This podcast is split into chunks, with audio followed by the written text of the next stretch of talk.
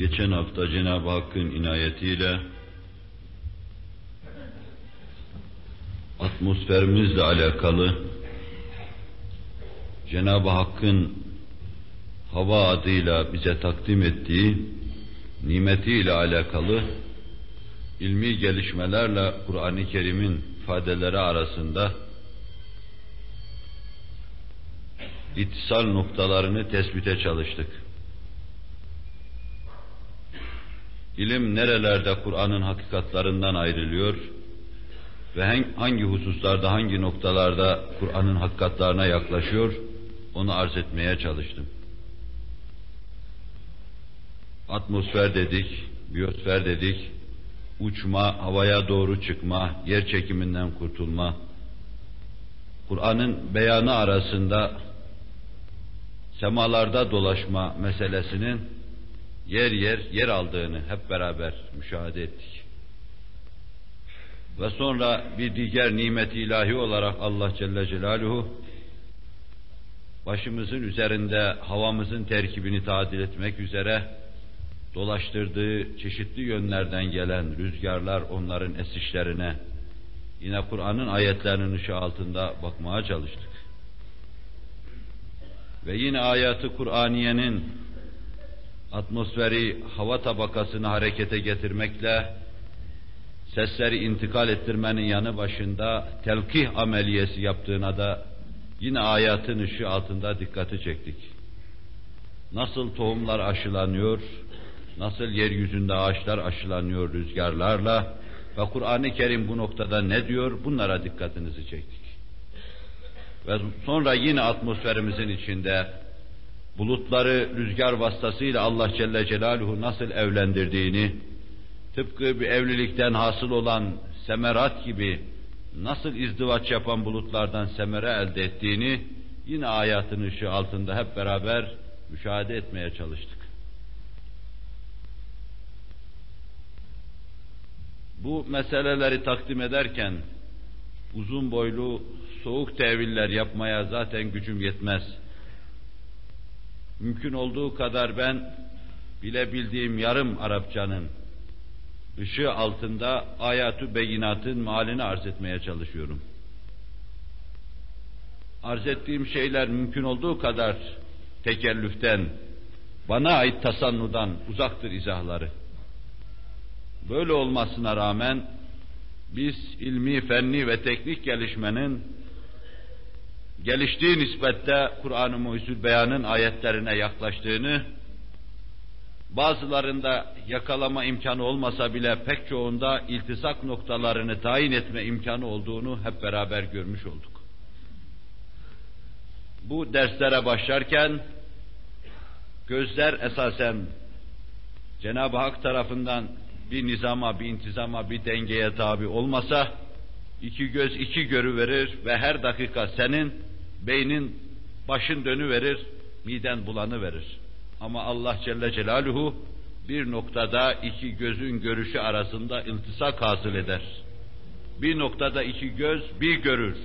Gözler arasında ciddi uyum olur. Kur'an-ı Mucizül Beyan insanın gözüne takılan bir gözdür.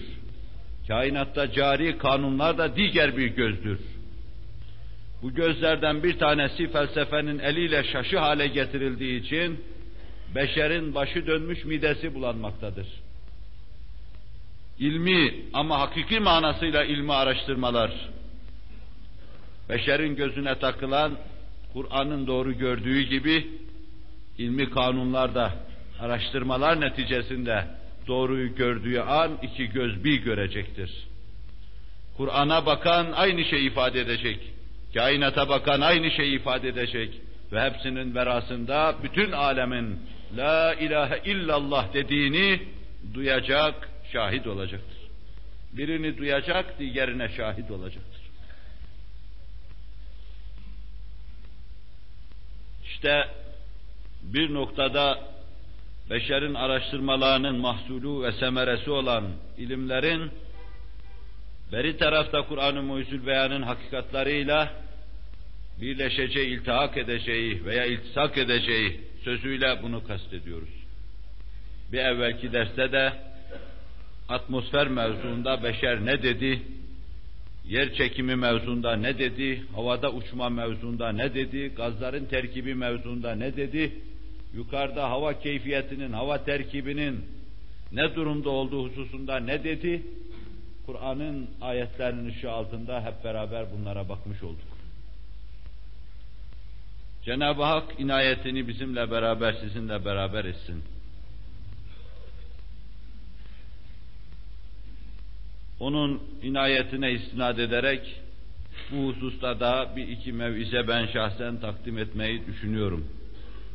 Bugün de bunlardan bir tanesini hususiyle Cenab-ı Hakk'ın kader kaleminin ucu diye saydığımız zerratın, atomların harekatını, parçacıkların, partiküllerin harekatını ve Kur'an-ı Muhyüzül Beyan'ın bunlara bakış keyfiyetini veya ayatın ışığı altında zerreye, zerreden küçük şeye, zerreye, zerreden büyük şeye nasıl bakıldığını inşallah beraber müteala edelim. Alemi şehadette biz ilk tahayyünleri belki elektronlar alemiyle görüyoruz. Kimyevi tayflarla müşahede ediyoruz. Ziya hadiseleriyle, hararet hadiseleriyle, başımızın üzerinde olup bitenler ve kainatın içinde olup bitenlere muttali olmaya çalışıyoruz. Dalga boylarının farklılığı bunların kendilerine has titreşimler içinde kainatta kaydolmalarını temin ediyor. Farklı olduklarından hepsi kendine has şeyi yazıyor. Güneşten gelen adeta çepeçevre atmosferimizi saran, bizim kakülümüzü okşayan dalga boyları, farklılıkları keyfiyetiyle bunlar birbirine karışmadan herkes mekanda kaydedeceği şeyi kaydediyor. Adeta bir kalemden çıkan muhtelif uçlar gibi fakat hepsi birden yazıyor bunların. Ama birinin yazısı diğerinin yazısını bozmuyor. Kudret bunları öyle istinsak ediyor. Kaderin pergeli üzerinde öylesine hassas işliyor ki bu kadar iç içe binlerce hadise hep beraber işlenirken hiçbiri diğerine karışmıyor. Biz esasen bütün bunların verasında bu ince işlerin ve iç içe hadiselerin içinde Cenab-ı Hakk'ın daha evvelden yani mahlukatı görülebilecek safhaya arz etmeden, bu tabloları beşerin müşahede edeceği durumu arz etmeden, bu işleri bir hesaba, bir plana koyduğunun ifadesi görülüyor. Evvela kesmiş, biçmiş, ölçmüş, ilmi kaderler, programlar altında bunları tayin ve tespit buyurmuş. Ondan sonra sırası gelene, buyurun demiş sahaya arz ve vücuda. Herkesi sahneye sürer gibi sahneye sürüvermiş.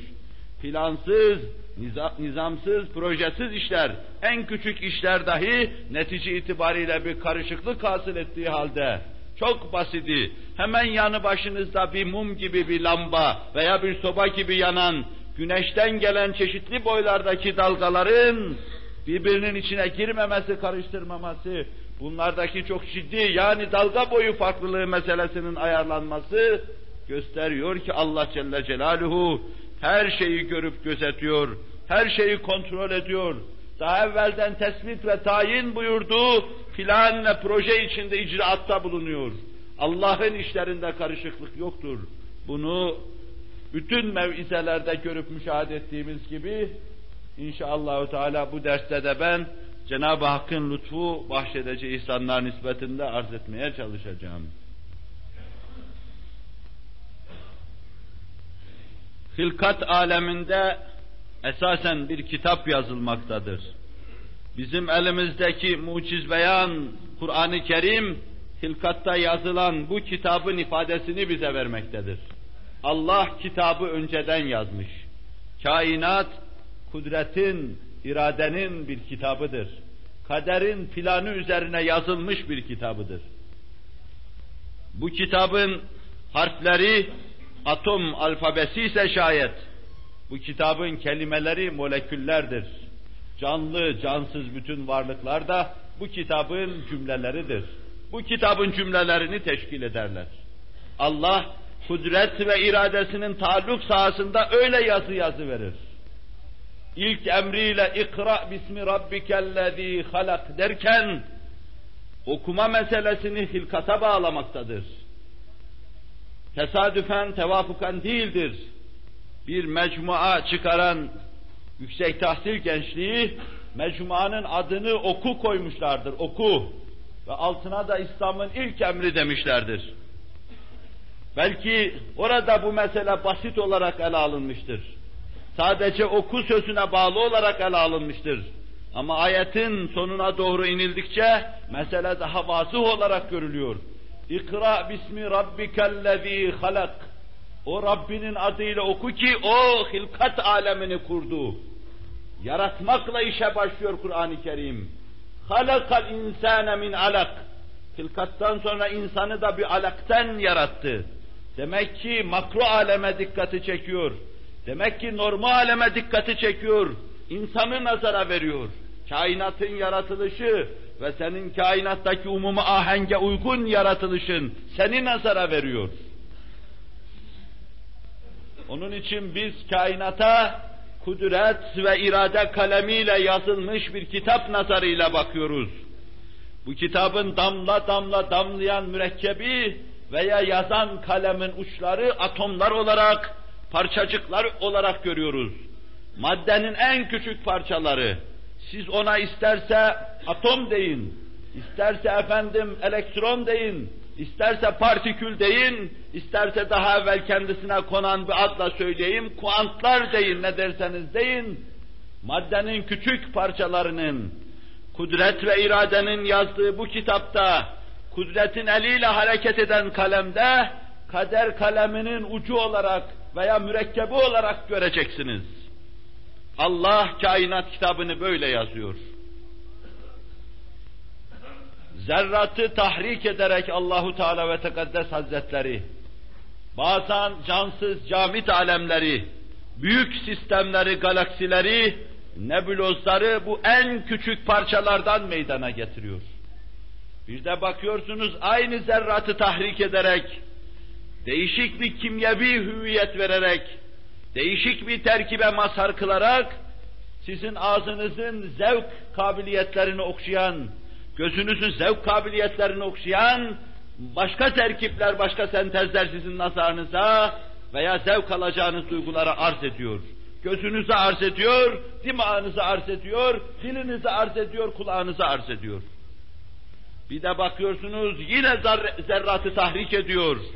İsraf yapmayan Allah Celle Celaluhu, bir şeyle bin şey yapan Allah Celle Celaluhu, bir zerreye eflatun vazifesini gösteren Allah Celle Celaluhu, ağacın içine giren, güneşin ışınlarıyla münasebet kuran, izdivaç yapan aynı zerreye bakıyorsunuz eşyanın muayyen bir noktada kalmalarını, onları belli ölçüler içinde tayin ve takdir etme işlerinde kullanıyor.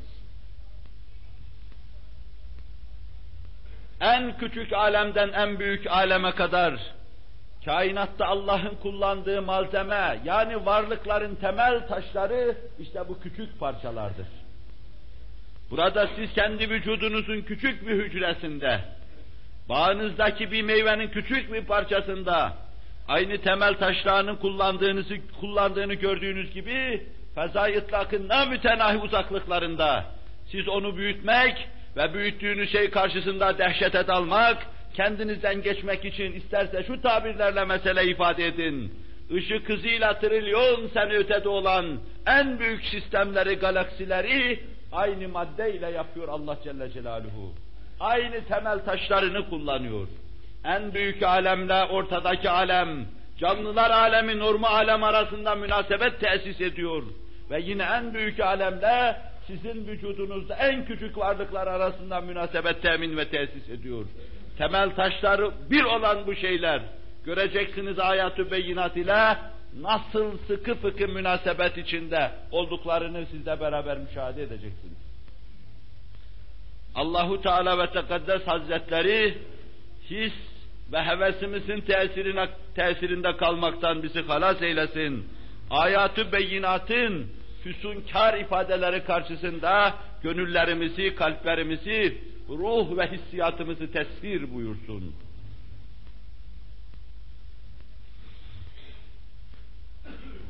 Allah en büyük sistemleri kader kaleminin uçları olan bu zerrelerle yaptığı gibi ağaçların başından rengarenk keyfiyetleriyle size doğru sarkan tatlı meyveleri de yine aynı şeylerle yapıyor. Siz zannedersiniz o kendi kendine orada meydana geliyor. Ama bir taraftan başını aşağıya doğru eğmiş ağaçlar veya otlar, topraktan aldıkları damla damla sularla, yukarıdan aldıkları güneş şuasıyla, havadan aldıkları karbondioksitle, hiç bilemediğiniz şekilde sizin muhtaç olduğunuz gıdaları nesçetmektedirler. Esasen bütün kainatta baştan aşağıya her boya göre bir elbise nesçedilmektedir. Her kamet öyle bir konfeksiyon dükkanı olarak işlemektedir ki, kendi kameti kıymetine uygun elbiseyi rahatlıkla alıp, bulup sırtına geçirmektedir. Ve bütün bunlar o kadar rahatlıkla, o kadar ucuza mal edilmektedir ki, bu kadar bolluk, bu kadar sürat ve bu kadar ucuzluk, beşer dükkanında bu üç şeyi telif etmeye imkan yoktur. Hem çok kıymetli olsun, çok lüzumlu olsun, herkesin kâmeti kıymetine uygun olsun, hem çok bol olsun, hem çok ucuz olsun. Bunlar telif edilir cinsten şeyler değildir. Mesela bir ağaç top, gömüldüğü topraktan damla damla suyu, reşha reşha suyu emiyor. Havadan karbondioksit alıyor. Güneşten gelen şualarla birleştiriyor, şeker sentezi imal ediyor. Beşer bu kadar rahatlıkla şeker yapabilecek fabrikaları kurabilseydi, insanlığın şeker derdi kalmayacaktı. O kadar rahatlıkla her mesele hallediliyor. Havada onun o ince dallarının hareket etmesi, güneş şualarının başını okşaması, havadan aldığı ve topraktan çektiği şey, bu camit varlık, size göre öyle görünüyor, bize göre öyle görünüyor. Allah'ın kurduğu tezgah hesabına işlemesinden ötürü, Allah'ın işletmesinden ötürü Celle Celaluhu çok rahatlıkla şeker imal ediyor. Sizin şeker ihtiyacınızı karşılıyor. Beşer yarı canlı, yarı cansız bir ağacın böylesine maharetle, böylesine rahatlıkla ve böylesine ucuza mal ettiği şekerin henüz meydana getirilmesi mevzuunda belki atılacak adımın onda birini atmış değildir. Şu ağacın şeker yapma ameliyesi, o mevzudaki mahareti karşısında beşer, onda bir o ağaca yaklaşamamıştır. Eğer ağacın yarısı kadar şeker yapma maharetine sahip olsaydı, bugün bizim şeker derdimiz olmayacaktı. Allah'ın tezgahlarında her şey bu kadar rahatlıkla olur. Sultana intisap eden bütün camit zerreler, havadaki bütün dalgalanmalar, havanın içindeki çeşitli gazlar ve güneşten gelen şualar ve topraktan ağacın dallarıyla, kılcallarıyla yukarıya doğru çıkan su reşahatı, bunların hepsi memur ilahi olması itibariyle yukarıda birbiriyle izdivaç eder ve sizin arzu ettiğiniz, muhtaç olduğunuz ve şuurunuz varsa aldığınız zaman Allah'a karşı şükretme hissini duyduğunuz, duyacağınız nimetleri en tatlı şekilde, en cazip keyfiyette, rengarenk küviyette size takdim ederler. وَاَنْبَتْنَا مِنْ كُلْ ف۪يهَا مِنْ كُلِّ شَيْءٍ مَوْزُونَ Siz şu ayeti Kur'an'a dikkat edin. Biz o yerde veya mekanda her şeyi gayet mevzun olarak bitiriyoruz, imbat ediyoruz. Çok ince ölçülerle, hassas mizanlarla tartıyoruz. onu insan ağzına aldığı zaman zannediyor ki, benim ağzımı yaratan Allah Celle Celaluhu zan değil bu yakin olmalı. Benim ağzımın bütün zevk alma kabiliyetlerini, ağzımın tükürük bezlerinin tükürük ifraz etme durumunu, midemin çalışma faaliyetini, vücudumdaki umumi mekanizmanın, bağırsağın, böbreğin, ciğerin çalışma durumlarını bilmiş, ondan sonra bu elmayı bu ağacın başına takıvermiş, olduğunu katiyen görecektir. Ama nazar ibretle bakarsa, sebep ve netice arasında münasebet kurarak bakarsa ki Allah bakma bizleri muvaffak kılsın. وَاَنْبَتْنَا ف۪يهَا مِنْ كُلِّ شَيْءٍ مَوْزُونَ Allah Celle Celaluhu en camit şeylere, en şuurlu şeyleri yaptırtıyor.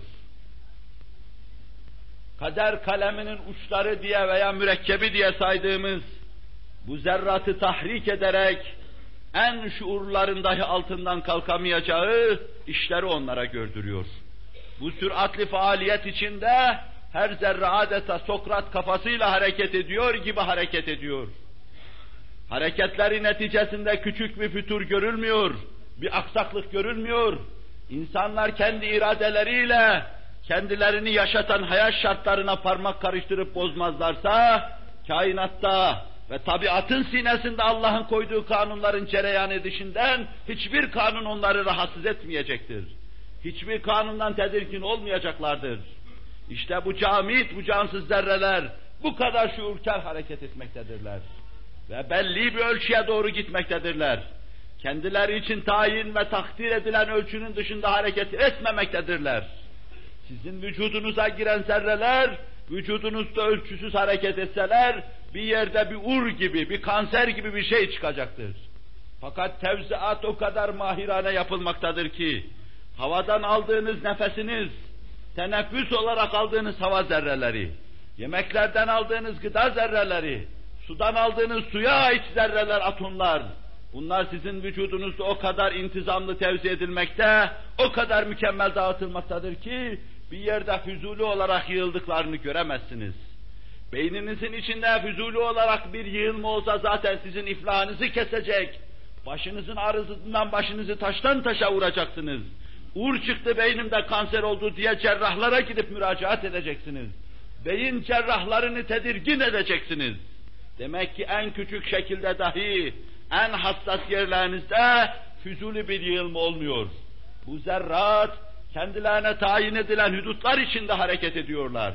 Beşer hududunu aşabilir, beşer baş kaldırabilir, beşer kendisi için tayin edilen kanunların dışına kendisinin iradesiyle içinde yaşaması, muhakkak ve mukadder olan sınırların dışına çıkması düşünülebilir. Ama camit alemde Allah'ın iradesine ciddi bir inkiyat görülür. Her şey Allah, her şeyin Allah'ı dinlediği müşahede edilir. İşte bu camit zerreler, bu şuursuz partiküller, parçacıklar dahi Allah'ı dinler ve Allah'a itaat ederler. Kanunlar adeta kendi kendine hareket ediyor gibi öyle bir hava ve hüviyette cereyan eder ki siz zannedersiniz her birisinin aklı, arkasında 30 tane filozofun aklı iş görmektedir. Ama bunların hepsi bir sultanı zişana, Allahu Teala'nın sonsuz kudretine, inayetine ve ilmine dayandığından dolayı aksatmadan, fütursuz, en büyük alemle beraber en küçük alemde aynı şeyleri rahatlıkla yaptıklarını görürsünüz. Mesela siz buzlu bir suyu eritmeye koyuyorsunuz. Buzlu su ısınırken ısınmakla su tebahür etmesin, yükselmesin diye buz kendi kendini eritiyor bir kanunla. Ama siz buna dikkat etmemişsinizdir. Suyu yukarıya doğru çıkmasın diye, buharlaşmasın diye buz kendi erimek suretiyle suyun içine soğuk su katmaktadır. Keza eriyik bir tuzun içine bir elektrik akımı geçiriverseniz, hemen ona karşı ayrı bir akım hasıl olur. Bir istiktap, bir polarizasyon müşahede edersiniz. Bundan anlaşılıyor ki, sizin bir tesir ika etmenize karşı eşyada hadiseler arasında vassalı vasıtasız, hemen ayrı bir tesir daha koruyucu olarak, karşılayıcı olarak, bu meseleyi azaltıcı olarak ayrı bir tesir daha meydana geliyor. İster suyun tebahür etmesine karşı buzun erimesi, isterse tuz eriği içine gönderdiğiniz elektrik akımından meydana gelen istiktap, bütün bunlar eğer olmasaydı, eşyaya sizin verdiğiniz, ika ettiğiniz tesir sürüp gidecekti ve ahenk bozulacaktı. Ama cami serreler öylesine bir tayin ve takdir içinde hareket ediyorlar ki, biz ister istemez ve kullu şeyin indehu bir miktar fermanı subhanesini görüyor ve duyuyoruz. Her şey Allah'ın indinde bir ölçü, bir kader planıyla hareket etmektedir. Bir zerre başıboş hareket edemez. Bir zerre gelişi güzel bir yere gidemez. Bunlar tayin ve takdirle olur. Bunu her şeyde müşahede ediyoruz. her gün kaynattığınız ibriğin içindeki sudan, yemeğe korken erittiğiniz tuza kadar her şeyde bunu müşahede ediyoruz. Allah'ın ayarladığı, tanzim buyurduğu bu nizamın temel taşları, ona geliyorum, biz bunlara bir zamanlar atom diyorduk, yine de atom diyoruz. Atomu küçülsünler, parçalasınlar, partiküller desinler, netice değişmeyecektir. Başkası kalsın daha evvel ona kuant desin, netice değişmeyecektir. Ve her şeyi götürsün bugün elektronlara bağlasınlar. Tayyün aleminde ilk zuhur odur desinler. Kimyevi tayflara ba- bağlasınlar. İlk mesele budur desinler, netice değişmeyecektir. Maddenin küçük parçaları, maddenin inhilali yok olması neyse, kader kaleminin uçları olan bu en küçük parçalarla Allah Celle Celaluhu, kainatta en büyük alemle en küçük alem arasında nesçi bunlarla yapıyor. Kainat kitabını bunlarla yazıyor ve bunları bize gösteriyor. Ben bu hususları şundan dolayı arz ettim. Bana göre ehemmiyeti vardır bu meselenin. Kur'an-ı Kerim'i bir fizik, bir kita atom kitabı, atom fiziği kitabı halinde size takdim etmekten o nezih kitap karşısında Allah'a sığındığımı huzurunuzda ilan ederim. Kur'an-ı Kerim beşerin kitabıdır. Ve onun en birinci hedefi de saadeti ebediyeyi temin etmektir. Allah'a inandırmak, dünya saadetini bu iman etrafında kurmak, ahiret saadetini inandırmak, gönülleri huzura kavuşturmak, insanların arzularını tehyiç ve tahrik etmek, ahirete çalışır hale getirmek. Kitabın hedefi budur. Kur'an-ı Mucizül Beyan, beşerin doğrudan doğruya veya dolayısıyla ilgilendiği meselelerden, o da dolayısıyla bizim tabirimizde istidradi olarak bahseder. Onun kainattan, kevinden ve kevindeki hadiselerden bahsettiği parantezler içinde ifade edilmektedir.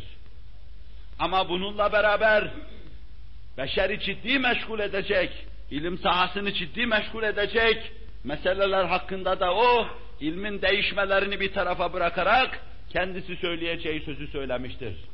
Zerratın hareketini dile getirmiştir. Zerrattaki tahavvülatı dile getirmiştir ve bu tahavvülat neticesinde meydana gelen terkipleri ve tahlilleri bize anlatıvermiştir. Biz ilmin geçirdiği çeşitli devreleri ve dönemleri ve şu anda geçmekte ol, olduğu çeşitli zikzakları nazar itibar almayarak doğrudan doğruya Kur'an-ı Muhyüzül Beyan'ın bize madde mevzuunda, atom mevzuunda ne dediğini görmemizde, duymamızda, bilmemizde fayda olduğu kanaatindeyim. Çünkü insanın nesçettiği bu küçük parçacıklardan Kur'an'ın bahsetmemesi mümkün değildir. İnsanı meydana getiren, kainatın temel taşı olan, ahiretin yapısının da temel taşı olan, cennetlerin ve cehennemlerin temel taşları olan ama belki değişik hüviyetle bilemiyoruz. O ağır sıklatı çekmiyor bugün bizim idrakimiz, aklımız, muvazenemiz. Her şeyin temel taşı olan parçalardan, parçacıklardan Allah'ın Kur'an'ında bahsetmemesi mümkün değildir. Çapına göre bahsetmiştir. Beşere lüzumuna göre bahsetmiştir. Faydası nispetinde bahsetmiştir. Ve bahsederken de kendisine inandırma ve Kur'an-ı Kerim'e inandırma mevzuunda bahsetmiştir. Esas olarak Kur'an'a ve kendisine inandırmayı esas almış, dolayısıyla maddeden, maddenin parçalarından bahsetmiştir. Atom eskiden beri bilinen bir şeydi. Çok eski. Ama bunu daha ziyade 19. asırda diyorlar.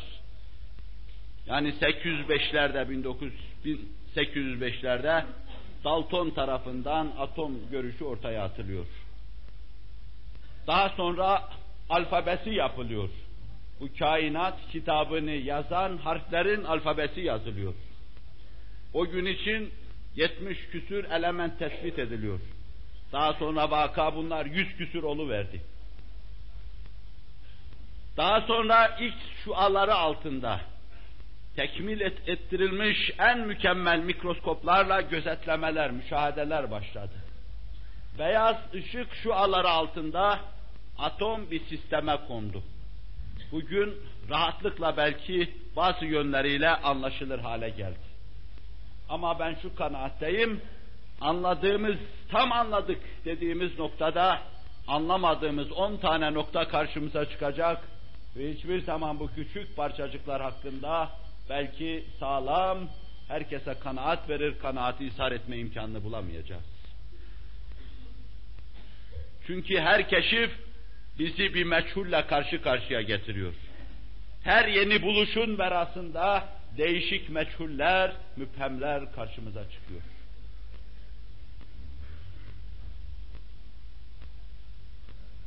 Keşfedilen ve bize anlatılan şeyler prensip olarak şunlardır. Atom, zerre. Ama Arap ve Kur'an-ı Kerim atom demiyor. Atom Latinceden geliyor. Bu ismi eski Yunanlar demişler. Ve bizim kelamımızda da buna cüz-i layete ceza demişler. Bir atomu görüyoruz, zerre. Bir zerreden büyük, zerrenin meydana getirdiği parçayı, küçük parçaları görüyoruz. Biz buna cüz-i fert diyorduk. Gavurca adıyla molekül diyelim. Bir de zerrenin dununda olan parçacıklar görüyoruz.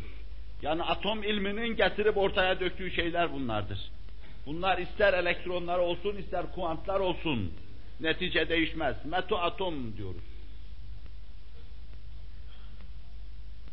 Ve bir de atom ağırlığı meselesi vardır. Atom fiziğinin temel taşı ve esaslı prensiplerinden bir tanesidir. Atom ağırlığı sözü. Bir ayet size arz ettiğim zaman bütün bu tabirlerin anlatmak istediği maksadın yanı başında seçilen kelimelerle rahatlıkla size anlatıldığını göreceksiniz. Kur'an-ı Kerim okuduğum ayette büyük küçük hiçbir şeyin Allah'ın nazarından kaçmayacağını anlatmaktadır. Sizde en büyük alemler Allah'ın nazarından kaçamaz dersiniz. En küçük alem nedir size göre? En küçüğünü bulmaya çalışırsınız. Eskiden tırnağım ucu kadar derlerdi. Sonra saçımın ucu kadar, sonra küçük bir toz parçası kadar. Siz meseleyi büyütün bunu. Efendim bir milimetrenin milyonda onu kadar yer işgal eden atoma getirin bu meseleyi. Ve sonra deyin ki atom kadar bir şey bile gizli kalmaz. Daha verasında küçültme biliyorsanız diyeceksiniz ki elektron kadar şey bile gizli kalmaz. Yani en küçük parça Allah'ın ilminden, ilmi ihatasından hariç kalamaz diyeceksiniz. Kur'an bunu anlatıyor. Ve bunu anlatırken şu normal alemi işgal eden kimselere diyor ki vaziyetinize dikkat edin diyor. Şu şuursuz camitler aleminde hiçbir şey Allah'ın ilmi ihatasının dışında değildir. Her şeyi görür, gözetir, bir hedefe doğru sevk eder. Gördüğünüz mikro alemde, atomlar alemde, en küçük parçalar aleminde dahi hiçbir şey Allah'ın ilmi hatasından hariç kalamaz. Onu da görür, bilir ona göre tanzim eder. Ve sonra bu arada size diyor ki, siz de ona göre vaziyet alın. Bütün davranışlarınız tespit edilmektedir. İlmi hüviyette vücut bulmaktadır. Allah her şeyinizi bilmektedir. Ve ma tekunu fi şe'nin ve ma tetlu minhu min Kur'anin ve la ta'malun min amelin illa kunna aleykum şuhuda. Sadakallahul azim. Bir iş yapıyorsunuz. Bir meşgaleyle meşgul oluyorsunuz. Bir hal bir keyfiyet ihraz ediyorsunuz. Ne yaparsanız yapınız. Bütün davranışlarınıza Allah'ın nigehban olduğunu biliniz. Bilin ki Allah her hareketinizi kontrol ediyor. Allah arz edeceğim ayet-i kerimede size mana olarak bunu ifade buyuruyor. La ya'zubu anhu miskalu zerretin fis semavati ve la fil ard. Ve la asgara min zalika ve la akbar illa fi kitabin mübin. Sadakallahul azim. Allah'tan Celle Celaluhu ne göklerde ne de yerde hiçbir şey gizli kalmaz. La ya'zub anhu miskalu zerretin fis semavati ve la fil ard. Zerre miskali, zerre ağırlığı yani atom ağırlığı tabirimizde hiçbir şey Allah'ın nazarında gizlenemez, saklanamaz. Ve burada bir şeye daha dikkatinizi çekiyor. Aklıma geldikçe istidradi olarak arz edeyim. Bugün fezalarda araştırmalar bize şu hususu ifade etmektedir. acaba kainatın her yerinde aynı temel taşları mı kullanmıştır? Her yerde aynı maddi yapıyla mı karşı karşıya kalacağız? Şu mescitler, mabetler yapılmış, taşlarına bakarız. Bunlardan kimisi Girit'ten, kimisi Kıbrıs'tan gelmiş. Kimisi yanı başımızda İzmir'in bilmem neresinde hangi kevekliğinden gelmiştir. Bunları tespit ederiz. Acaba küreye arzla beraber diğer küreleri, onunla beraber güneşi nazara aldığımız zaman bunların temel taşlarını ne olarak görebiliriz diye beşer merak ediyor. Allah Celle Celaluhu miskale zerre sözüyle işe başlıyor. Ve diyor ki göklerde ve yerde zerre kadar şey. Bununla göklerin ve yerin temel taşlarının ayniyetini size ifade ediyor. Orada burada durum değişmediğini size ifade ediyor Her şeyi aynı şeylerden yaptığını Allah Celle Celaluhu size anlatıyor. Biz bu hususta beşeri araştırmaların değişik bir şey getireceği kanaatinde değiliz Kur'an'ın ayetini itimat ederek. Zerre kadar bir şey Allah'tan gizlenemediği gibi وَلَا اَسْقَرَ min zalik. Zerrenin, atomun küçüğü de Allah'tan gizli kalmaz. وَلَا اَكْبَرَ min zalik. Atomun büyüğü, zerrenin büyüğü de Allah'tan gizlenemez. İlla fi kitab-ı mübin. Bunların hepsi ap açık her şeyi anlatan bir kitab-ı mübindedir. Ehli tahkik, İmam-ı Mübin levh-i mahfuza derler. Kitab-ı Mübin de insanın mukadderatı hayatiyesinin, sergüzeşli hayatının bir mah ve ispat şeridi altında cereyan eden, sinema şeridi gibi insanın her şeyini kaydeden, havayı dolduran zerratı kastettiğini söylerler. Ehli tahkik de öyledir. Yani zerrelerin hareket etmesi, davranışlar, zaman şeridine takılması meselesi kitab-ı mübini anlatmaktadır. Allah'ın kudret kalemiyle yazdığı, kader planına göre tespit ettiği kitabın adıdır. Bu ayette kitab-ı mübin sözünün zikredilmesi de çok manidardır. Şimdi bakın, arz ettim, atom ilminin 3-4 temel unsurunu, temel esasını. Biz zerre diyoruz, atom demek. İkincisi zerreden küçük diyoruz, küçük parça meta atom diyoruz. Siz buna isterseniz elektron deyin, isterse kuant nazariyesine göre, kuantum nazariyesine göre kuant deyin. Ve bir de atomdan büyük diyoruz, cüz'i fert, molekül. Atomların meydana getirdiği ilk terkipler, büyük terkiplere hazırlık, büyük terkiplerin temel taşları. Atomu bu esaslar etrafında görüyoruz. Ondan daha öte parçalanan parça, kendisi ve kendisinin üstünde bir şey.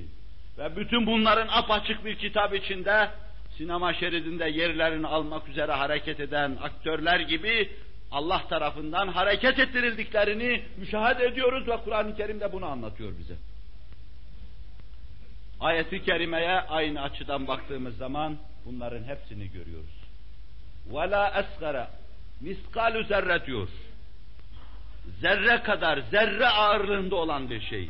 Atom ağırlığı arz ettim, atom fiziğinin temel prensiplerinden bir husustur. Miskal kelimesi esasen altının ölçüsü olarak kullanılır. Ve bir miskal aşağı yukarı dört buçuk gram ağırlığında bir şeydir. Ama bunu en küçük parçaya izafe ettiğimiz zaman sadece asıl adı kalır bunun, vasfı gider. Yani ağırlıktaki durumu gider de sadece ağırlık sözüyle kalır. Miskal zerre dediğimiz zaman da zerre ağırlığı, atom ağırlığı demek olur. Mesela atom gramajı deseniz, gramın ağırlığını kastetmezsiniz artık. Belki atomun ağırlığı neyse işte onu dersiniz. Miskal kelimesi siklattan gelir esasen. Siklat ağırlık demektir. Burada doğrudan doğruya kendi has ağırlığı vasıf olarak gitmiş, asıl olarak ağırlık sözcüğü kalmış. Atom ağırlığı sözü. Bu dört esasın hepsini görüyoruz ayette. Evvela miskale zerretin diyor. Atom ağırlığı bir şey. Saniyen bunun Allah'tan gizli kalmayacağını söylüyor. Diyor ki وَلَا اَسْقَرَ min zalik. Bundan daha küçük diyor. Atomdan daha küçük aleme dikkati çekiyor. وَلَا اَكْبَرَ min zalik. Atomdan daha büyük, zerreden daha büyük aleme dikkati çekiyor. Ve siz bu sahada nereye giderseniz gidiniz, ne günah tefsirde bulunursanız bulununuz, hangi keşiflerle karşı karşıya kalırsanız kalınız, atomdan aşağı küçük alem, partiküller alemi, atom alemi, atom yapısı ve aynı zamanda atomun üstündeki durumu aşamayacak, onun dışına çıkamayacaksınız. Kur'an-ı Kerim kat'i olarak söylüyor bunu. Ve biz Kur'an'ın bu açık, bu seçik beyanı karşısında katiyen bunun böyle olduğuna inanıyoruz. Ama ben bu meseleyi yeni gelişen atom kanunları içinde izaha kalkışsam, devrin kültürünün tesirinde izaha kalkışsam, onun eksiği, gediği, açığı olacaktır. Kur'an-ı Kerim'in anlattığı şekilde mutlak ifadeler içinde mutlak tarifini vermek inşallah Teala hiçbir zaman yanıltmayacaktır. Cenab-ı Hak beyanatı Kur'an'a muvafık olarak beyana bizleri muktedir kılsın. Bu mevzuda ikinci bir noktaya dikkatinizi rica edeceğim. Belki uzattım. Elektron nazariyesini vaz eden Lorenz'tir. Bu atom çekirdeği etrafında dönen elektronların harekatını bu mevzuda söylenecek sözleri söylemiş, bu mevzudaki nazariyeyi vaz etmiş adamdır. Ona göre ben durumu size arz edeyim. Maddenin bu küçük parçası Allah Celle Celaluhu en küçüğü olan hidrojen ve atomlar arasında elektronu ve protonu en çok olan uranyuma kadar. Birinin elektron sayısı, proton sayısı birdir hidrojenin, öbürünün 238, bir başka izotopu da 235'tir. Belki bunlar çoklarının efkarını karıştırır. İzotop nedir? Her atomun kendisine göre değişik şekilleri vardır. Uranyum mesela bir 238 iken bir 235'tir. En istikrarlı, ağır başlı, oturaklı atom hidrojen atomudur. Bir Müslüman ve karı içinde hareket eder. En huzursuz, anarşist atomda uranyum atom, atomudur. Tam bir izolasyon yapılmamıştır protonları arasında nötronlarla müsavi olan şeyler arasında tecrit yapılamadığı için mütemadiyen aynı yerde protonlar gürültü çıkarmakta, infilak yapmaktadırlar. Ve onun için atom patlatılması meselesinde uranyum kullanılmaktadır. Hikayenin sırrı burada esasen. Anarşistler kullanılmaktadır burada. Huzursuz atom diyoruz. İster o en küçük, ister bu en büyük. Lorenz'in hesabına göre mesele şu idi. Atomun elektronuyla çekirdeği arasındaki durum, münasebet, mesafe, hareket etme vesaire. Küçük bir güneş minyatürü mahiyetinde bir görünüm arz ediyordu. Bir tezahür arz ediyordu. Güneşi nasıl görüyorsunuz? Etrafında peykler nasıl hareket ediyor ahenkli olarak? Elipsi olarak güneşin etrafında dönüyorlar. Aynen öyle atom çekirdeğinin etrafında elektronların aynı vaziyette hareket ettiklerini söylüyordu nisbi olarak mesafe de aynıydı. Yani güneşin büyüklüğüne göre küre arz ondan uzaktı ama bir atom çekirdeğinin küçüklüğüne göre etrafındaki elektronun küçüklüğüne göre mesafe ona göreydi. Arz ettiğim gibi bir atom aşağı yukarı bir milimetrenin milyonda takriben onu kadar bir şey. O kadar küçük bir şey.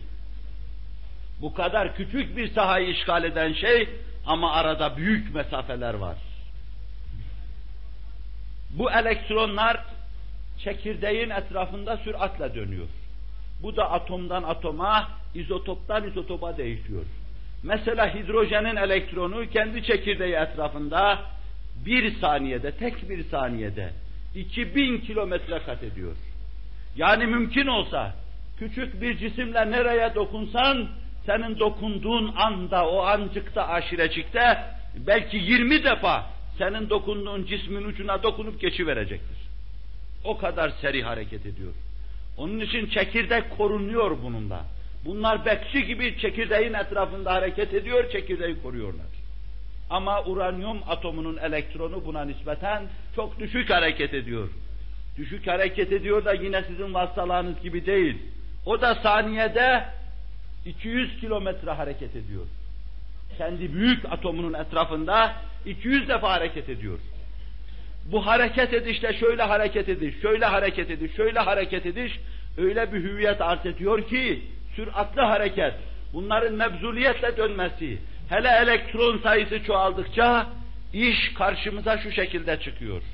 Bir cismin etrafında birbirini takip eden tayfonlar, hortumlar, fırtınalar çepeçevre o cismi kaplamış ve cismin etrafında hareket ediyorlar. İntibaını veriyor bize. Ve bu anlayışla Kur'an'ın şu ayetine bakın. وَالذَّارِيَاتِ ذَرْوَ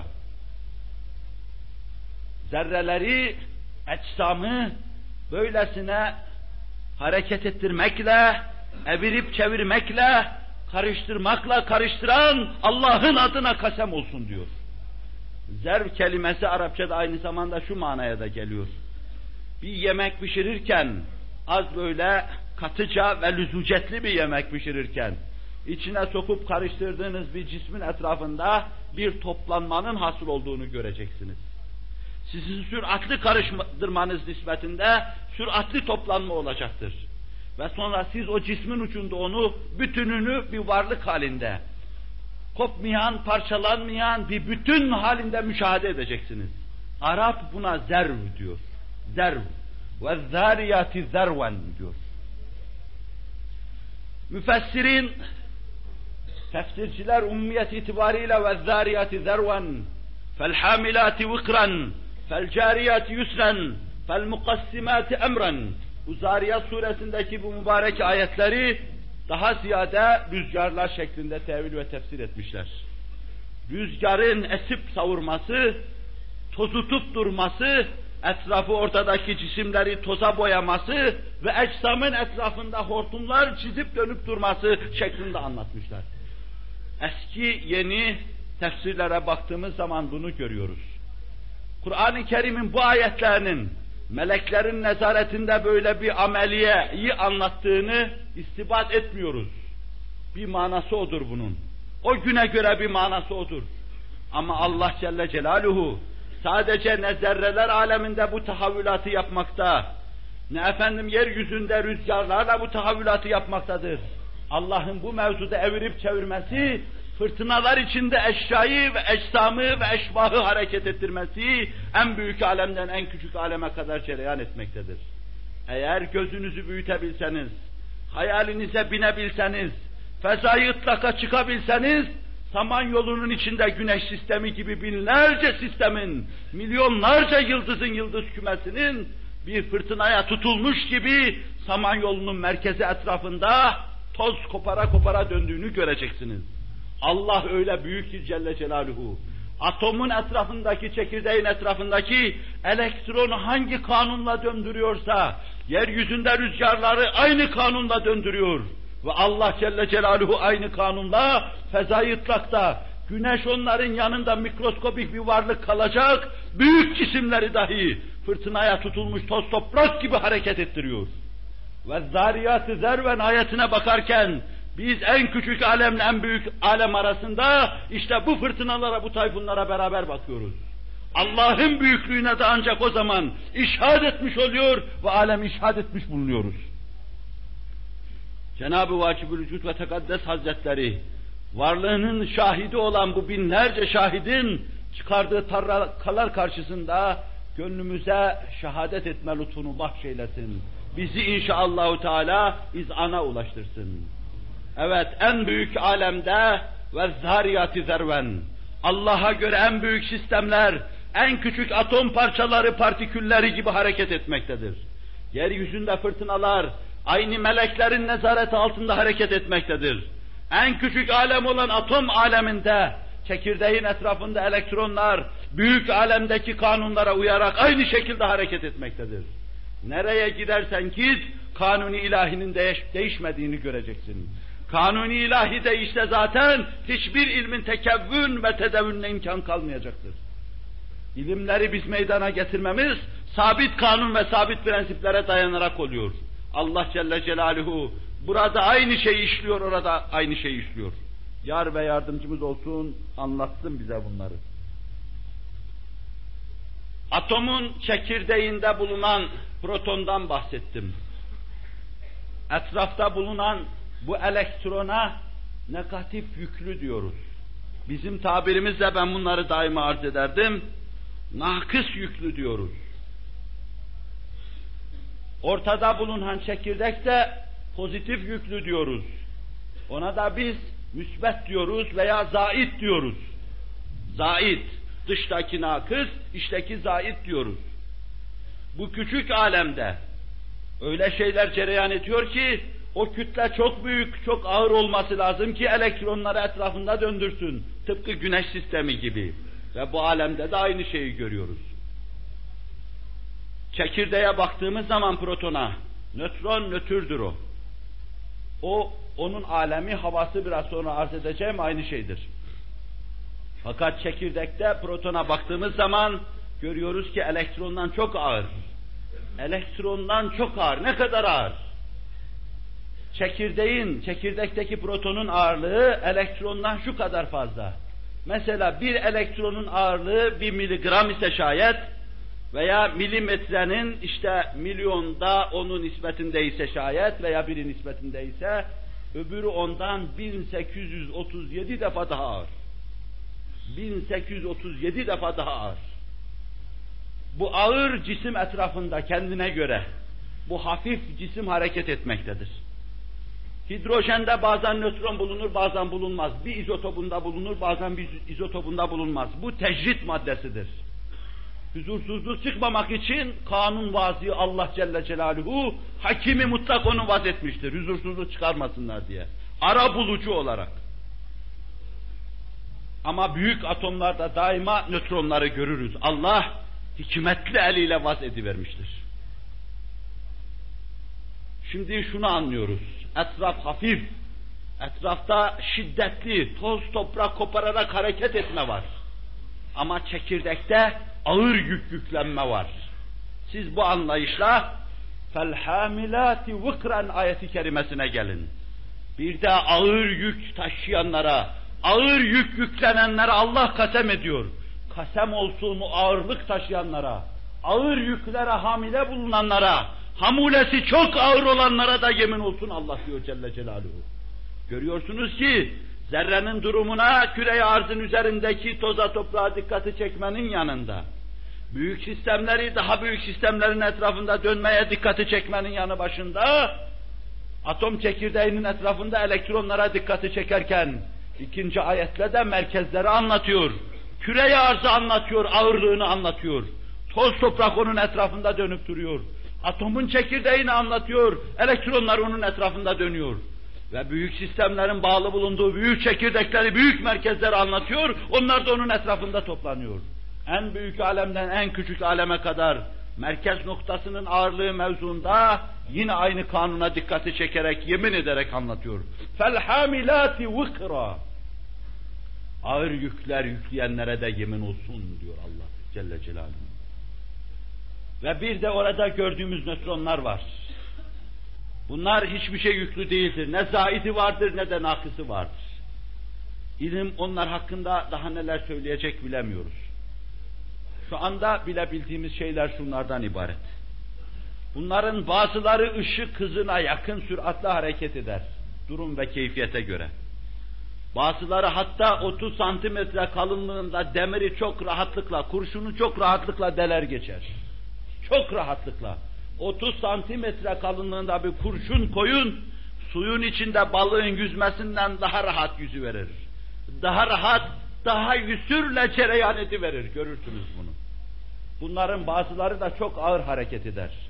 Molekülün hareketine denktir hareketleri, çok ağır. Bu ağır hareket eden nötronlar bile zamanla sürat kazanırlar. Bir çekirdek tarafından çekiliverince çekirdekte ciddi bir infilak olur. Zincirleme reaksiyonlar neticesinde 5000 ila 10 bin milyon enerji yüklü hızlı nötronlar haline gelir bunlar. O kadar süratle hareket ederler ki artık en kesif cisimlerin bile bir tarafından vurup öbür tarafından geçme, havada kuşun uçması gibi, denizde balığın gitmesi gibi, sizin yeryüzünde rahat yürümeniz gibi onlara da rahat olur. Ve siz bu noktaya felcariyati yüzden ayeti kerimeyle dikkat edin. Bir de o çok rahatlıkla çok kolaylıkla, çok suhuletle cereyan edenlere yemin olsun diyor Allah Celle Celaluhu. İsterse bunun umumi ve çok zaman, uzun zaman anlaşılan manasına dikkati çekmiş olayım. Sizi daha ziyade rüzgarlar üzerinde veya daha büyük cisimler üzerinde durdurmuş olayım. Fakat rahatlıkla akma, rahatlıkla cereyan edip gitme meselesi herhalde ne rüzgarı ifade ediyor, ne de büyük alemde, makro alemde büyük cisimlerin hareketini ifade ediyor. Bize daha ziyade bu, kendi tarifleri içinde gördüğümüz nötronların hareketine daha muvafık geliyor. Allahu alem bir sevap. Doğruyu sadece Allah bilir Celle Celaluhu.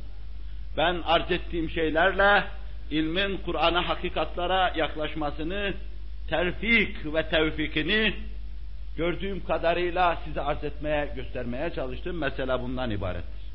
Ve bu mevzuda Kur'an-ı Kerim'in sair meseleler hakkındaki hükmüne bağlı bir hükmüyle mevzu bitirmiş olayım.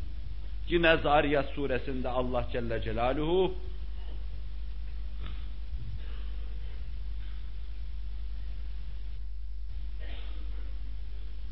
göremedim de ve min kulli şeyin halakna zevceyn leallekum tezekkerun ve min kulli şeyin halakna zevceyn ve sure-i Yasin'de Subhanellezi halakna zevceyn her şeyi Allah Celle Celaluhu buyuruyor biz çift olarak yarattık. Bu çok manidardır. Arapçada bir kaideyi nakledeyim size. Kül kelimesi Arapçada her, bütün, her şey manasına. Kül kelimesi kendinden sonra bir kelime gelir ona müzaf olur. Türkçede buna tamlayan, tamamlayan terkibi diyoruz. Müzaf, müzafın leh eski adı. Kül, müzaf olacak, öbür şey ona müzafın ileyh olacak, izafe edilecek. Her şey diyeceğiz. Bu kelime, külden sonra gelen kelime ya marife olur ya nekre, ya bilinen bir kelime ya bilinmeyen. Marife olursa bir varlığın umum ecdasına şamil olur. Mesela deseniz ki hoca bütünüyle kürsüdeydi, yani iç dış yapısıyla kürsüdeydi. Eliyle, ayağıyla, koluyla, kanadıyla oradaydı. Yani benim eczama şamil olmuş olur. Ama nekreye müzaf olduğu zaman, o zaman da umum efradına şamil olur. Bütün fertleri içine alır. Deseniz ki hava bütün zerratıyla buradaydı deseniz, havada ne kadar zerre varsa, azot varsa, karbon varsa, oksijen varsa, hidrojen varsa, hepsi buradaydı manasını kastetmiş olursunuz. Burada ve kulle şeyin, min kulli şeyin ayetinde görüyoruz ki kül kelimesi nekreye müzaf olmuş. Umum efrada şamildir. Yani ne kadar şey diyebileceğimiz nesne varsa, ne kadar eşya varsa bunların hepsi çift yaratılmıştır. Gösteriyor. Yasin suresi bunu bu icmali tafsil ediyor. Subhanellezî halakal ezvâce kullaha. O Allah'ı tesbihü takdis ederiz ki o eşyayı çift olarak yaratmıştır. Kulleha, bütününü çift olarak yaratmıştır. Mimma tümbitul art, yerin bitirdiği şeyler de bunlar da dişi erkek çifttir. Ve min enfusihim, sizin nefislerinizde bulunan şeyler de çift ve tektir. Yani evvela kadın erkek olarak çiftsiniz. Sonra sizin vücudunuz da bu kaidenin dışında değildir. Orada da zaitlerin, nakısların çiftliğini görürsünüz. Orada da artının, eksinin çiftliğini görürsünüz. Orada bu da baş başa veren her şeyin çift olduğunu görürsünüz.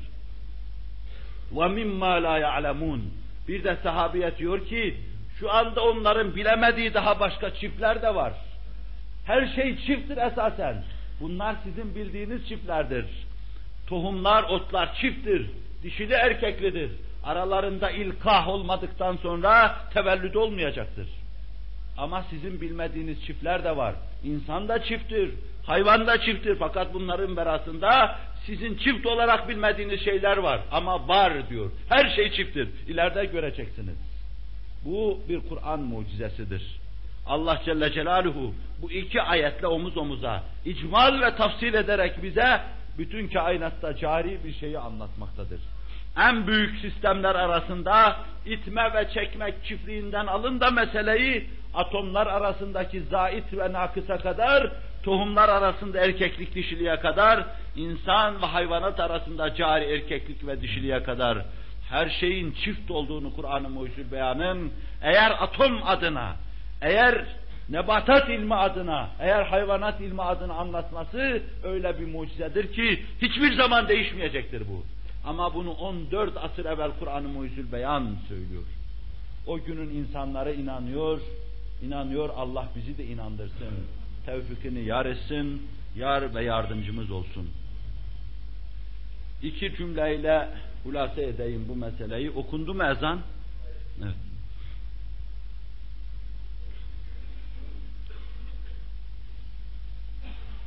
Fennin, tekniğin, teknolojinin müsbet sahada ilerlemesi, insaflı ellerde yürütülmesi, Allah'a inanan kimselerin işletmesinde işlettirilmesi, bu yavaş yavaş Kur'an'ın bahsettiği hakikatlara doğru fenni, tekniği ve teknolojiyi götürüyor. İleride iki gözün bir görmesi gibi kainatta cari kanunlarla Kur'an-ı Muhsul Beyan'ın içinde bize anlatılan şeylerin aynı şey olduğunu göreceğiz. Her şeyin temelinde tevhid vardır. Her şey Allah'tan gelmiştir. Kainat Allah'tan gelmiştir kudret ve iradesinden.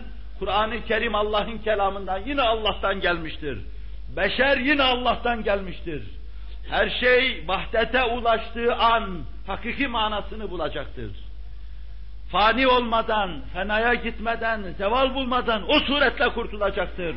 Allah'a intisabını anlayacak ve yokluğa, yok olmamaya ulaşacaktır. Ebedi vakaya ulaşacaktır. Allah'a intisap eden insanın yok olması asla vakata düşünülemez. Ölüm onu yok edemez. Allah'a dayandığı müddetçe sadece bir tahavvüldür, bir tebeddüldür, bir tahayyürdür, bir yer değiştirmedir. Ayrı bir aleme intikal etmedir bütün meseleler. İlimler, casuslar gibi kainatın içine dalması ve bir yönüyle insanın teşrihatının, anatomisinin yapılması ve anlatılması bize şu kanaati vermektedir. Beşer yapısı, kainatın anatomisi ve Kur'an-ı Kerim'in ifadesi bunlar bir tek hadisenin, üç yüzlü bir hadisenin üç yüzü gibidir. Bir tarafta Allah kudret ve iradesiyle bir alem, bir düzen kurmuş bunu işletmektedir. Kainatın bir saat gibi tık tak diye çıkardığı sesi Kur'an-ı Kerim terennüm etmektedir. Beşer bu sesin gerçek manasını anladığı zaman kendi kalbinin çıkardığı aynı sesle aynı olduğunu görecektir. Ve bir vahdet teessüs edecektir. Hakikatin bir yüzü kainattır. Bir diğer yüzü Kur'an-ı Muhyüzül Beyan'dır. Bir diğer yüzü beşer, beşerin anlayışıdır. Bu üç yüz arızasız, pürüzsüz, zıddiyetsiz, birbirine tenakuz olmadan, herhangi bir uçta bir istiktap meselesi bahis mevzu olmadan, tam bir vahdet teşkil ettikleri an, beşer aynı zamanda o zaman huzura kavuşacaktır. Çünkü o durum tam Allah'ı hatırlatacak. Allah'ı andıracak. Bütün alemin beraber Kur'an'ın dediğini, dediğini duyacak. Kalbin dediğini duyacaktır. Bir senfonizmada, geniş bir senfonizmada, kalp aynı mana etrafında heyecanla bir şeyler söyleyecek. Kainat kendisine has büyük tarrakalarla ses çıkaracak ve Kur'an-ı Kerim bu tatlı musikiye bir name katacak, name ilave edecek. Ve her şeyden duyulan ses, La ilahe illallah Muhammedur Resulullah olacaktır. Cenab-ı Hak göstereceği o günü gösterecektir. Kafirin ödünü patlatacak. Onun tebessümünü dudağında bırakacak o günü gösterecektir. Ama canı dudağına gelmiş bizlere de göstersin, gecemizi gündüz etsin, bizi de hakkımız yok ondan bunları istemeye. Ama keremi lütfuna, sonsuz inayetine istinad ederek, dayanarak, ona çok hahişkar ve istekli bulunduğumuzu ishar ederek, diyoruz ki, canı dudağına gelmişlere de o günü göstersin, Leyli yelda olan gecelerini, arkası gelmeyen bir güne çevirsin.